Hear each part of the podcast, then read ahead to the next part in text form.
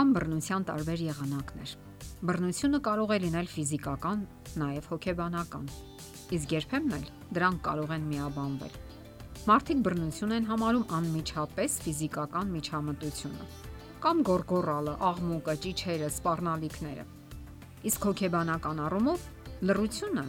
կամ պարզապես անտարբերությունը եւս բռնություն է։ Անտեսելով դիմասինին, մենք նրան դնում ենք բարդ իրավիճակում Իսկ ամուսնական, նաև ծնող երեխա դասիրակչական հարաբերություններում այդպիսի բռնությունը կործանարար է եւ կարող է ամուսնալուծությունների, նաև ծնող երեխա հարաբերությունների խաթարման պատճառ հանդիսանալ։ Լռությունն իրականում օգտագործում են դիմացինին պատժելու եւ իրենց արհամարանքը նրան ցույց տալու համար։ Եվ դա դաժան գործուն միջոց է դիմացինին հունից հանելու համար Այդ մեթոդին դիմում են ծնողները երեխաներին պատժելու համար։ Նրանք այնպես են վարվում եւ ձևացնում, որպես թե չեն էլ նկատում երեխաներին։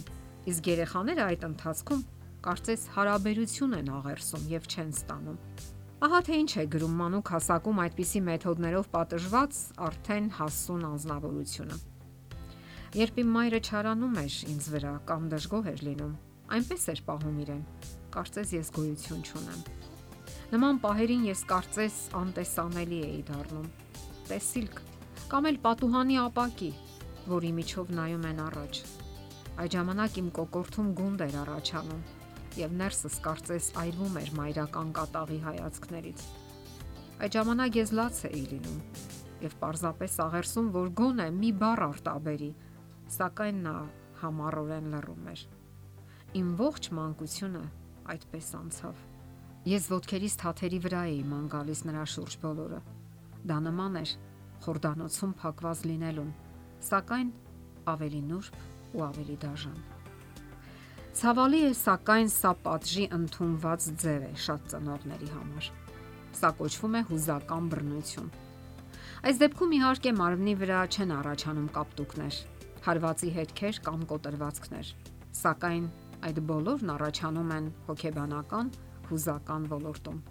որոնցից երեխաները չեն կարողանում ձերբազատվել շատ երկար տարիներ։ Եվ այն ի վերջո տանում է խորթության եւ հարաբերությունների կորստի, ինչի համար շատ ծնողներ զղջում են հետագայում։ Նրանք պարզապես չեն կարողանում զսպել ու կարգավորել իրենց զգացմունքները, հաղթահարել բարկությունն ու գրգռվածությունը եւ սկսում են բռնանալ դիմացինի կոնկրետ դեպքում երեխաների վրա Գիտակցաբար են նրանք դիմում բռնության, թե անգիտակցաբար դա կապ չունի։ Բռնությունը մնում է բռնություն, եւ դա լուրջ ազդեցություն է թողնում մանկական դեռևս չձևավորված փխրուն հոգեբանության վրա։ Իսկ դա հաստատվել է բազմաթիվ ուսումնասիրություններով։ Ուսումնասիրությունները ողրզել են, որ հուզական բռնությունը բառացիորեն փոխում է ուղեղի կառուցվածքը։ Նրանք հետագայում ունենում են լուրջ հիմնախնդիրներ, եւ չեն վստահում սեփական ընկալումներին։ Դժվարությամբ են տիրապետում սեփական հույզերին, դառնում են խոցելի ու ցավոտ են տանում, երբ իրենց ինչ որ բանում մերժում են։ Իսկ քանի որ նրանք դա բնական են համարում, ապա իրենք էլ հակված են նմանատիպ վերաբերմունք դրսևորելու այլոց հետ իրենց հարաբերություններում։ Շատերն օրինակ այն կարծիքին են, որ ուղակի բռնությունը պակաս ցավոտ է հուզական բռնությունից Լուր բռնությունը թունավոր եւ անտարբեր վերաբերմունքն է դիմացինի հանդեպ։ Որոշ երեխաներ այդպիսի դեպքերում խնդրում են ծնողներին արտասանել գոնե մի բառ։ Նրանք այս ու այն կողմ են գնում ծնողների շուրջը, փորձելով հարաբերություններ հաստատել, թեկուս իրենց ինքնասիրության գնով։ Հարկավոր է հաշվի առնել, որ երեխաները յուրացնում են ցանկացած բացասական վերաբերմունք ոչ միայն բառային, ասենք հայհոյանք կամ զանազան վիրավորական արտահայտություններ։ Նրանք յուրացնում են նաև քար լռությունը, սառը բետոնե պատ հիշեցնող լռությունը։ Իսկ ծնողները դիմում են այդ եղանակին, որpիսի ցույց տան իրենց անտարբերությունն ու արհամարանքը։ Հրաժարվում են հուզական շփումից, որ երեխան իրեն ված զգա, որպես վնասակար կամ վտանգավոր սակայն դրանք ոչ մի ձևով արդարացնել չի կարելի։ Այսպիսի հարաբերությունները գիտական գրականության մեջ անվանում են թունավոր հարաբերություններ։ Դրա նպատակը դիմացինի հուզական պահանջմունքները անտեսելն է։ Դրանով ծնողները ցանկանում են ցույց տալ, որ իրենց համար ոչ մի նշանակություն եւ արժեք չունեն երեխայի հույզերը, նրա մտքերը եւ երեխան ընդհանրապես, որ ծնողին պարզապես չի հուզում երեխան։ Իսկ քանի որ երեխայի պահանջմունքը ծնողի սերն ու սատարումն է, ապա այդպիսի դասը նա անցալում է որպես իր մասին որոշակի ճշմարտություն։ Ինչ է նշանակում լրությունը մեծահասակների հարաբերությունների դեպքում։ Դա նշանակում է անտեսել դիմացինի հույզերը։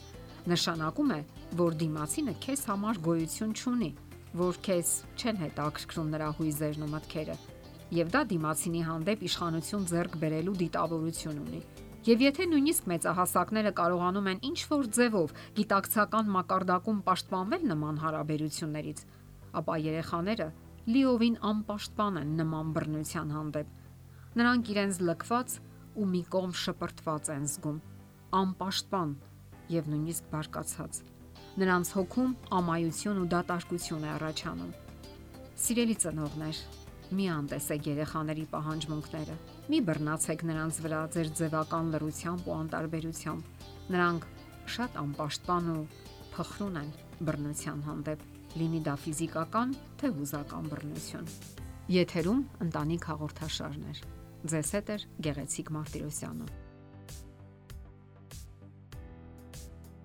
Հարցերի եւ առաջարկությունների դեպքում զանգահարեք 041 08 20 93 հեռախոսահամարով։ Հետևեք մեզ hopmedia.am հասցեով։